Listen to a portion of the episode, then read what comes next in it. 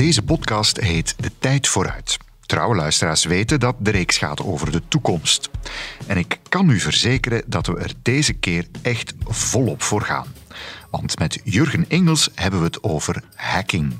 Niet het illegale inbreken op websites om informatie te stelen, maar hacking als een creatief proces dat we volgens Engels nu meer dan ooit kunnen gebruiken om ons leven makkelijker te maken, onze bedrijven efficiënter te organiseren en misschien zelfs de grote problemen van de wereld op te lossen. Denk aan nanorobots die door uw lichaam zweven. Een soort van kleine robot die in uw lichaam rondzweeft en die automatisch real-time doorheeft wat dat de samenstelling is van uw bloed, uh, welke elementen dat je in uw lichaam hebt enzovoort. Drones die ingenieurs op de bouwwerf overbodig maken. Maar had eigenlijk die drone gaan gebruiken om op die manier die drone boven eh, die, die, die, die berg eh, te laten vliegen en op die manier heel snel te kunnen gaan zien wat dat de inhoud is. En een quantumcomputer die het antwoord op uw vragen al geeft, nog voor u zich die vragen heeft gesteld. Als je natuurlijk een computer hebt die alle omstandigheden waarin dat je ook maar kunt denken, de miljarden omstandigheden waarin dat je kunt denken, die die allemaal in kaart kan brengen en die dan ook nog een keer kan de verbanden tussen al die miljarden omstandigheden kan inzien, welke variabele dat er een verband heeft op welke variabele, dat is, dat is hot, hè? dan zijn de hot. De tijd vooruit. Hoe overleeft u de toekomst? Bert Rijmen gaat in gesprek met visionaire ondernemers en onderzoekers. De tijd vooruit. Deze podcast kwam tot stand met de steun van EY. Jurgen Engels is voor alle duidelijkheid in de eerste plaats een ondernemer in de fintech, de financiële technologie en investeerder. Hij heeft zijn fortuin gemaakt met Clear2Pay, een platform om betalingen tussen banken mogelijk te maken. Sindsdien investeert Engels in verschillende soorten bedrijven, maar fintech blijft de hoofdmoot. En dat hele concept van hacking en creativiteit is daarbij een belangrijke leidraad die volgens Engels nu meer dan ooit van toepassing is. Hacking is eigenlijk een slimme manier, een creatieve manier om een bepaald probleem op te lossen. En, en vroeger, het woord hacking komt eigenlijk daarvan. Maar dan, uh, ja, een hacker die, dat wel, die op een creatieve manier dingen wil oplossen, ja, die kan niet al te veel aan regels onderworpen zijn. En dus uh, op een bepaald ogenblik, ja, die gaat dan een beetje de regels ja, proberen te, te, te, omzeilen. En daar is het eigenlijk het woord hacking van, uh, computerhacking van, van ontstaan. Maar eigenlijk hacking in C gaat eigenlijk over, je kijkt naar een probleem, je kijkt naar een wereld en je probeert eigenlijk op die creatieve manier dat probleem op te lossen. En natuurlijk technologie om dat soort van problemen op te lossen speelt daar een heel cruciale, belangrijke rol in. En vandaar dat de wijze dat ik kijk naar evolutie is eigenlijk vanuit dat hacking-perspectief. Omdat ik ook ervan overtuigd ben dat, dat creativiteit de next wave gaat zijn. De, next wave om dingen te gaan oplossen. En vandaag al gebeurt. Je ziet heel veel, of heel vaak, dat mensen uh, bepaalde oplossingen van het ene in een ene sector gaan toepassen in een andere sector. En ik ben een hele grote voorstander van, van parallel werken, hè, waarbij dat je eigenlijk zegt van ik beperk me niet in mijn leven tot één bepaalde sector waar ik altijd continu blijf in werken, maar ik ga me eigenlijk openstellen en ik, ik doe dingen in ene sector, maar doe dingen in een andere sector. En, en door het feit dat je dat doet, leer de dingen van de ene sector dat je kunt toepassen in een andere sector. En, en dat voor mij persoonlijk dan is eigenlijk een, een heel goede manier om dingen vooruitgang te doen hebben, maar ook om inzicht te krijgen van waar gaat de wereld naartoe. En ik zie heel veel voorbeelden van die hacking-mentaliteit, waarbij dat gezegd van ja, dat is een problematiek. En die problematiek eh, laat dan eigenlijk toe om een probleem in een andere sector te gaan oplossen, of op zijn minst die technologie te gaan gebruiken om dat probleem of die uitdaging op te lossen. Um, waarom werkt dat beter, die aanpak? Waarom werkt het beter? Omdat je dikwijls mijn ervaring is ook in technologie. Iedereen denkt altijd technologie, een technologiebedrijf bouwen, dat is ingewikkeld, dat zijn nieuwe dingen dat ik moet ontwikkelen. En mensen kijken rond zich en denken van hoe kan ik hier nieuwe dingen gaan ontwikkelen? Hoe kan ik eh, professor Hobbelijn zijn en, en op, afkomen met iets nieuws? Maar eigenlijk voor mij is het dat niet. Het gaat eigenlijk meer over creativiteit om een probleem te bekijken en dat probleem op te lossen. En natuurlijk, vandaag is technologie daar een heel dankbare factor voor. Je kunt dus met technologie die dingen gaan oplossen. Maar vaak vind ik dat mensen het dikwijls te ver zoeken. Hè, dat ze bepaalde oplossingen die voor de hand liggen in ene sector, als het gewoon niet zien. En dan heb je inderdaad die creativiteit terug nodig om te denken, tja, die oplossing daar, dat zou eigenlijk wel een oplossing kunnen zijn voor dat probleem. En in plaats van professor Hobbelijn-achtig te proberen hè, de hele nacht in uw labo te gaan zoeken naar een oplossing, ligt de oplossing dikwijls gewoon voor uw neus. Een voorbeeld, voeding. We zijn meer dan ooit bezig met gezonde voeding.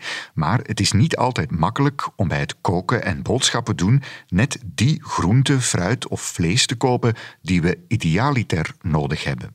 En voor mensen die om allerhande redenen bepaalde voedingsstoffen wel of net niet mogen eten, is koken al helemaal moeilijk. Hier komt de scanner in de keuken. Ik vraag mij soms af, ja, als je kookt, weet je eigenlijk niet wat je allemaal eh, binnenkrijgt. Je hebt natuurlijk gelet op je voeding en let daarop, maar het zou niet, niet cool zijn als je zeg maar, iets, een scanner hebt in je, in je keuken en dat je dan elk van je producten inscant, dat je dan automatisch in de cloud weet van oké, wat zijn alle ingrediënten en dat je dat dan kunt gaan linken met, uh, met je gegevens dat je krijgt van je dokter. Uh, of eventueel een soort van kleine robot die in je lichaam rondzweeft en die automatisch real-time doorheeft wat dat de samenstelling is van je bloed, uh, welke elementen dat je in je lichaam hebt enzovoort.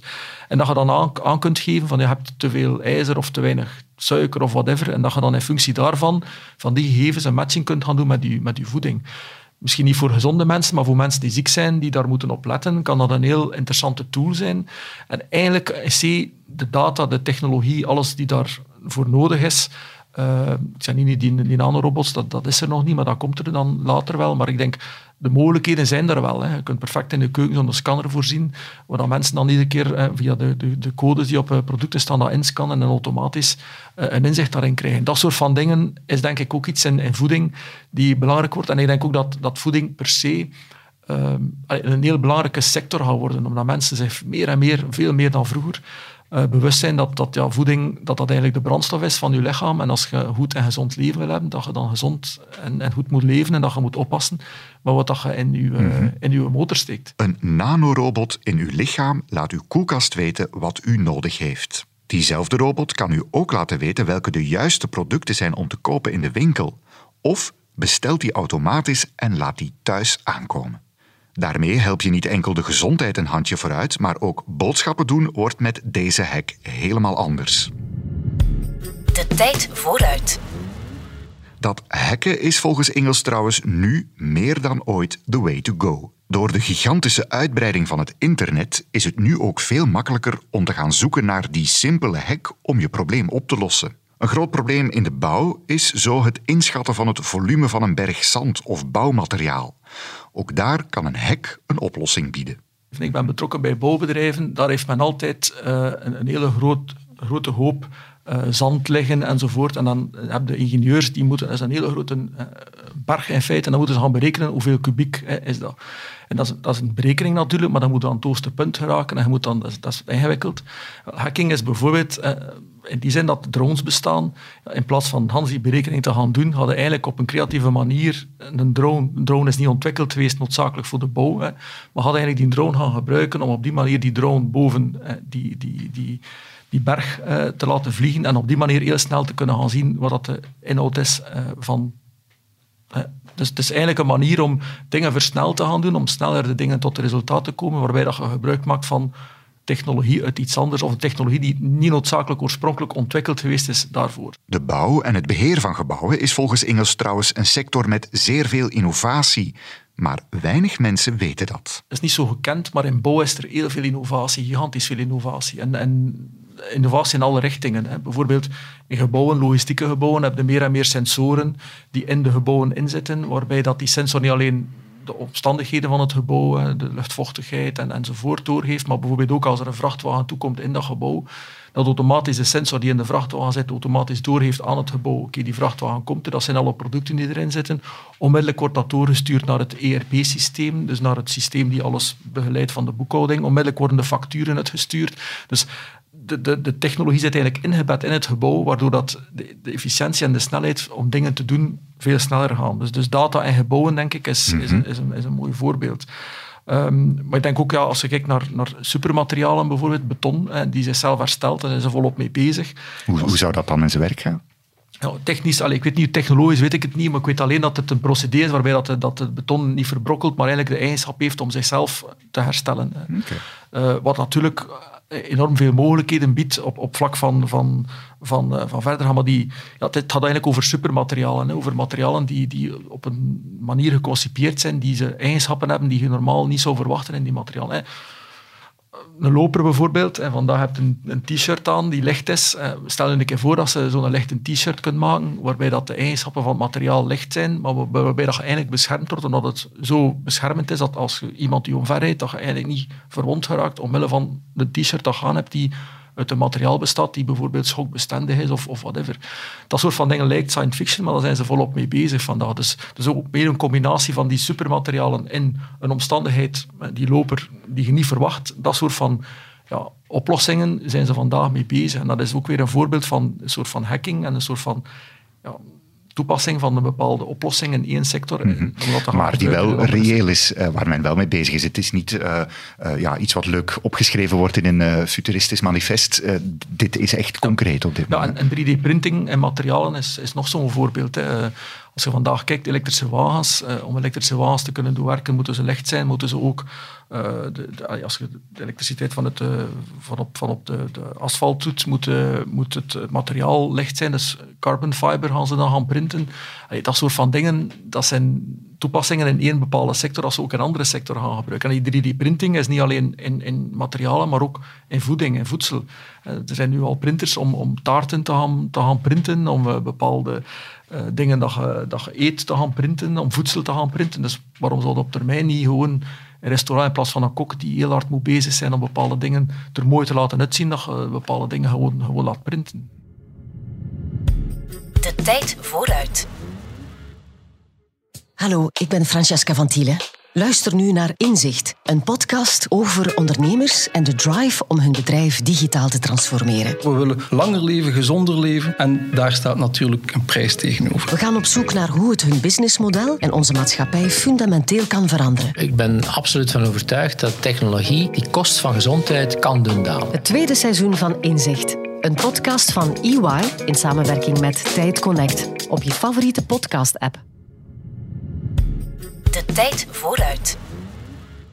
De crux in al die hacks is een simpele oplossing die een hele hoop werk wegneemt van de mens of van het bedrijf.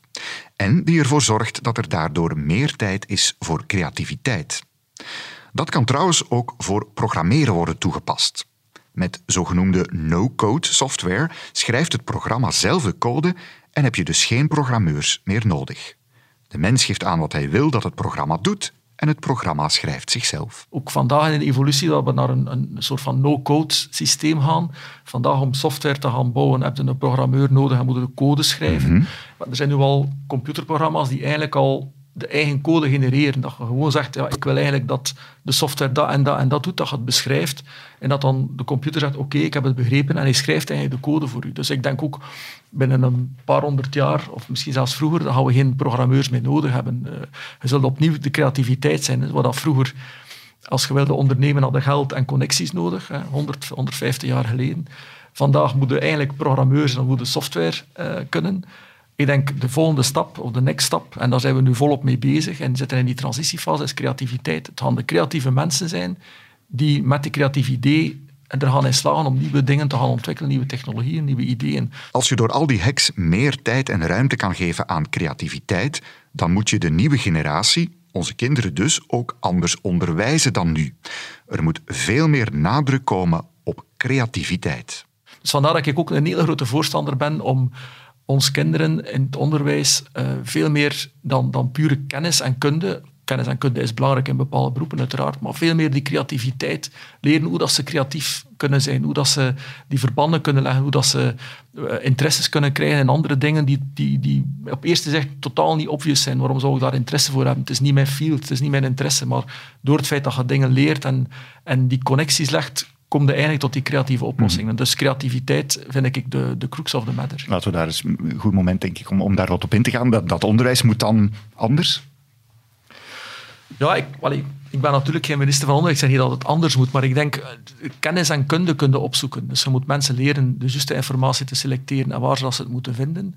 Maar... Uh, maar ja, ik, ik heb het voorbeeld al een aantal keer gegeven. Hè, met mijn zoon die op een bepaald ogenblik, uh, zoals alle, alle jonge kinderen, uh, alle jongeren, gaming is hot en ik kom thuis en zegt, ja, ik was denk 13 of 14 jaar, ik wil een nieuwe computer, pa, alsjeblieft, want eh, mijn computer is niet krachtig genoeg, ik kan mijn spelletjes met mijn vrienden niet meespelen. Ik zeg, ja, zo werkt dat niet. Het is niet omdat hij naar hier komt en zegt, ik wil een andere computer, dat je dat gaat krijgen. Dus mijn vrouw zei, ja, je moet dat toch stimuleren. Daar heb ik over nagedacht in een vorm van ja, creatief, wat kan ik daar nu mee doen? Hè? Hoe moet ik nu aan hem een computer uh, geven zonder dat het obvious wordt? En dan heb ik eigenlijk met hem naar de winkel geweest en van, het is goed, je krijgt van mij een computer. Fine.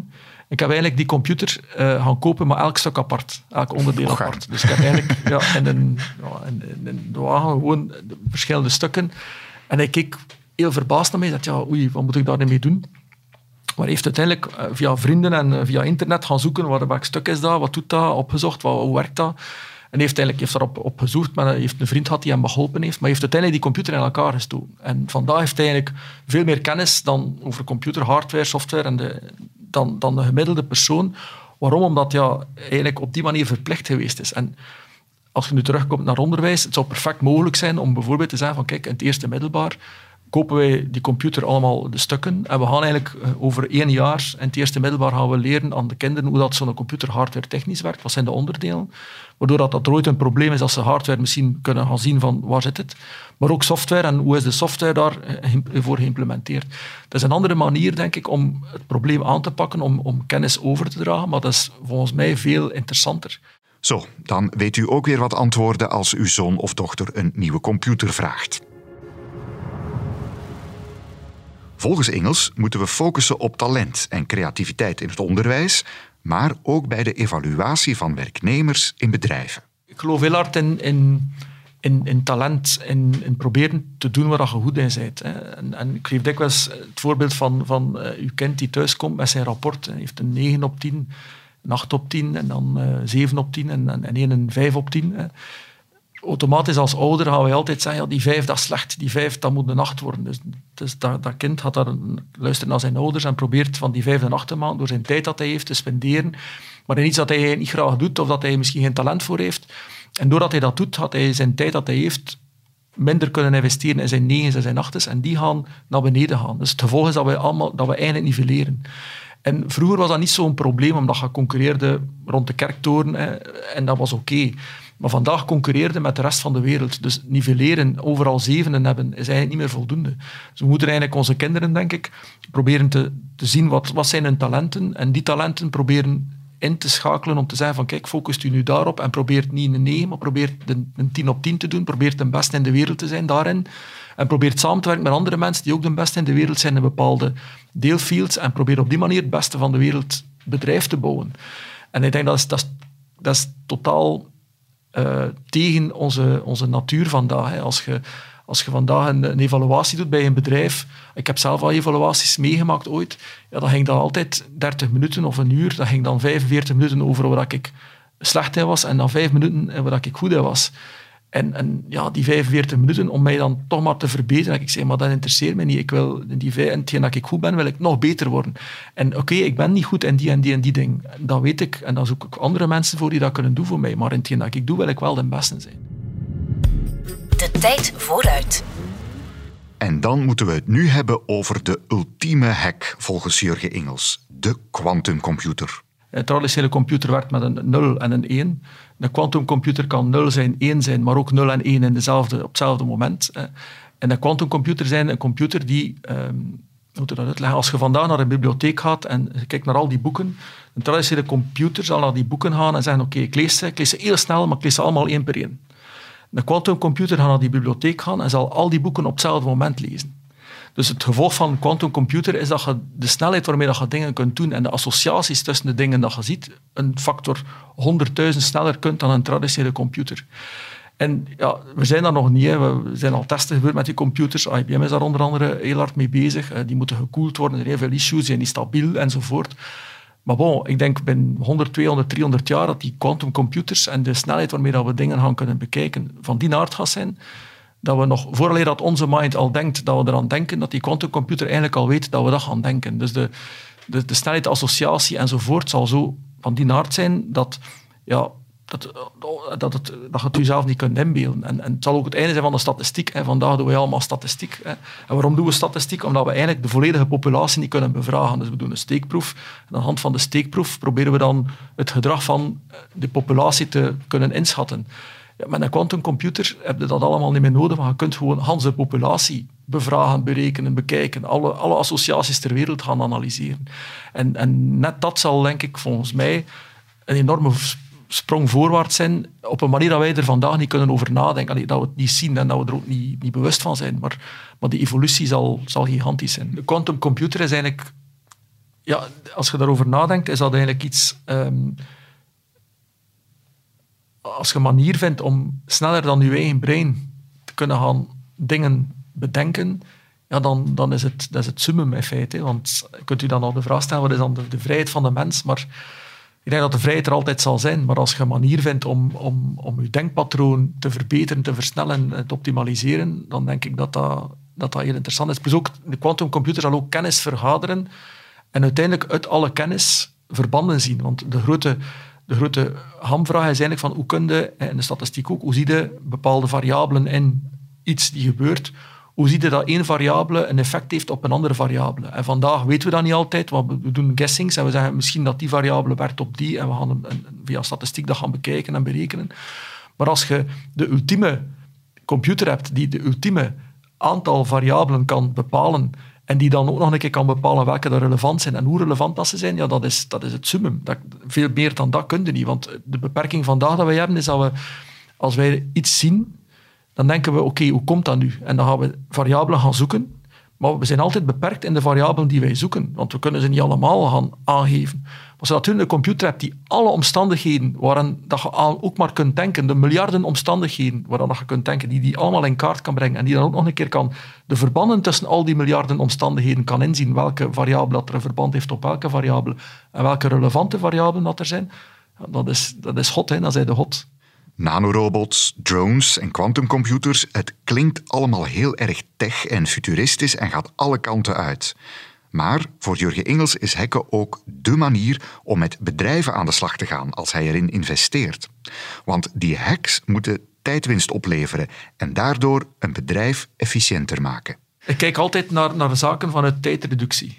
Dat is, dat is iets abstract, maar ik, ik vraag me altijd af hoe kan ik met technologie bepaalde processen in bedrijven gaan, tijd gaan reduceren. En, en tijd konden vroeger reduceren doordat je bijvoorbeeld eh, een netwerk hebt. En via je netwerk kun je tijd reduceren omdat je iemand kunt introduceren die nuttig kan zijn voor een persoon, zodat hij sneller dingen kan bereiken.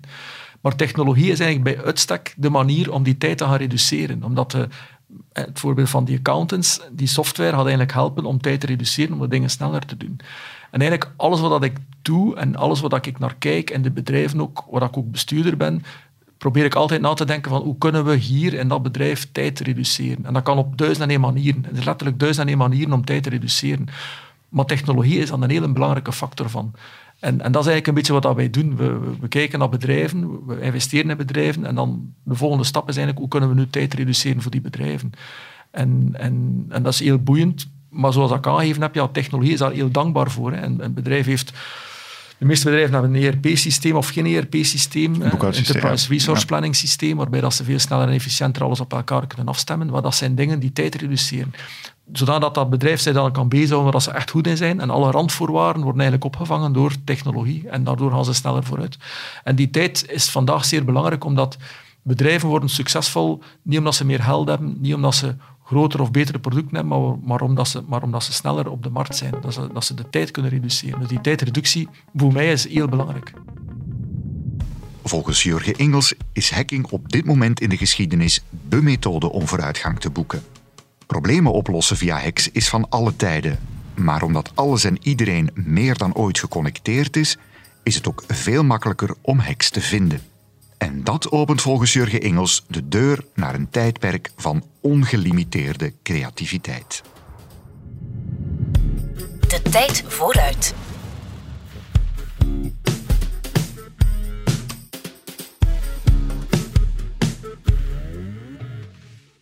Hallo, ik ben Francesca van Thielen en ik kwam al heel vaak in contact met Belgische bedrijven. En het fascineert mij altijd om te zien hoe de mensen in deze bedrijven omgaan met verandering en nieuwe technologie. We willen langer leven, gezonder leven en daar staat natuurlijk een prijs tegenover. En daarom mag ik samen met EY op bezoek bij bedrijven en organisaties die volop bezig zijn met innovatie. We gaan op zoek naar hoe het hun businessmodel en onze maatschappij fundamenteel kan veranderen. Ik ben absoluut van overtuigd dat technologie die kost van gezondheid kan doen dalen. Het tweede seizoen van Inzicht. Een podcast van EY in samenwerking met Tijd Connect op je favoriete podcast-app.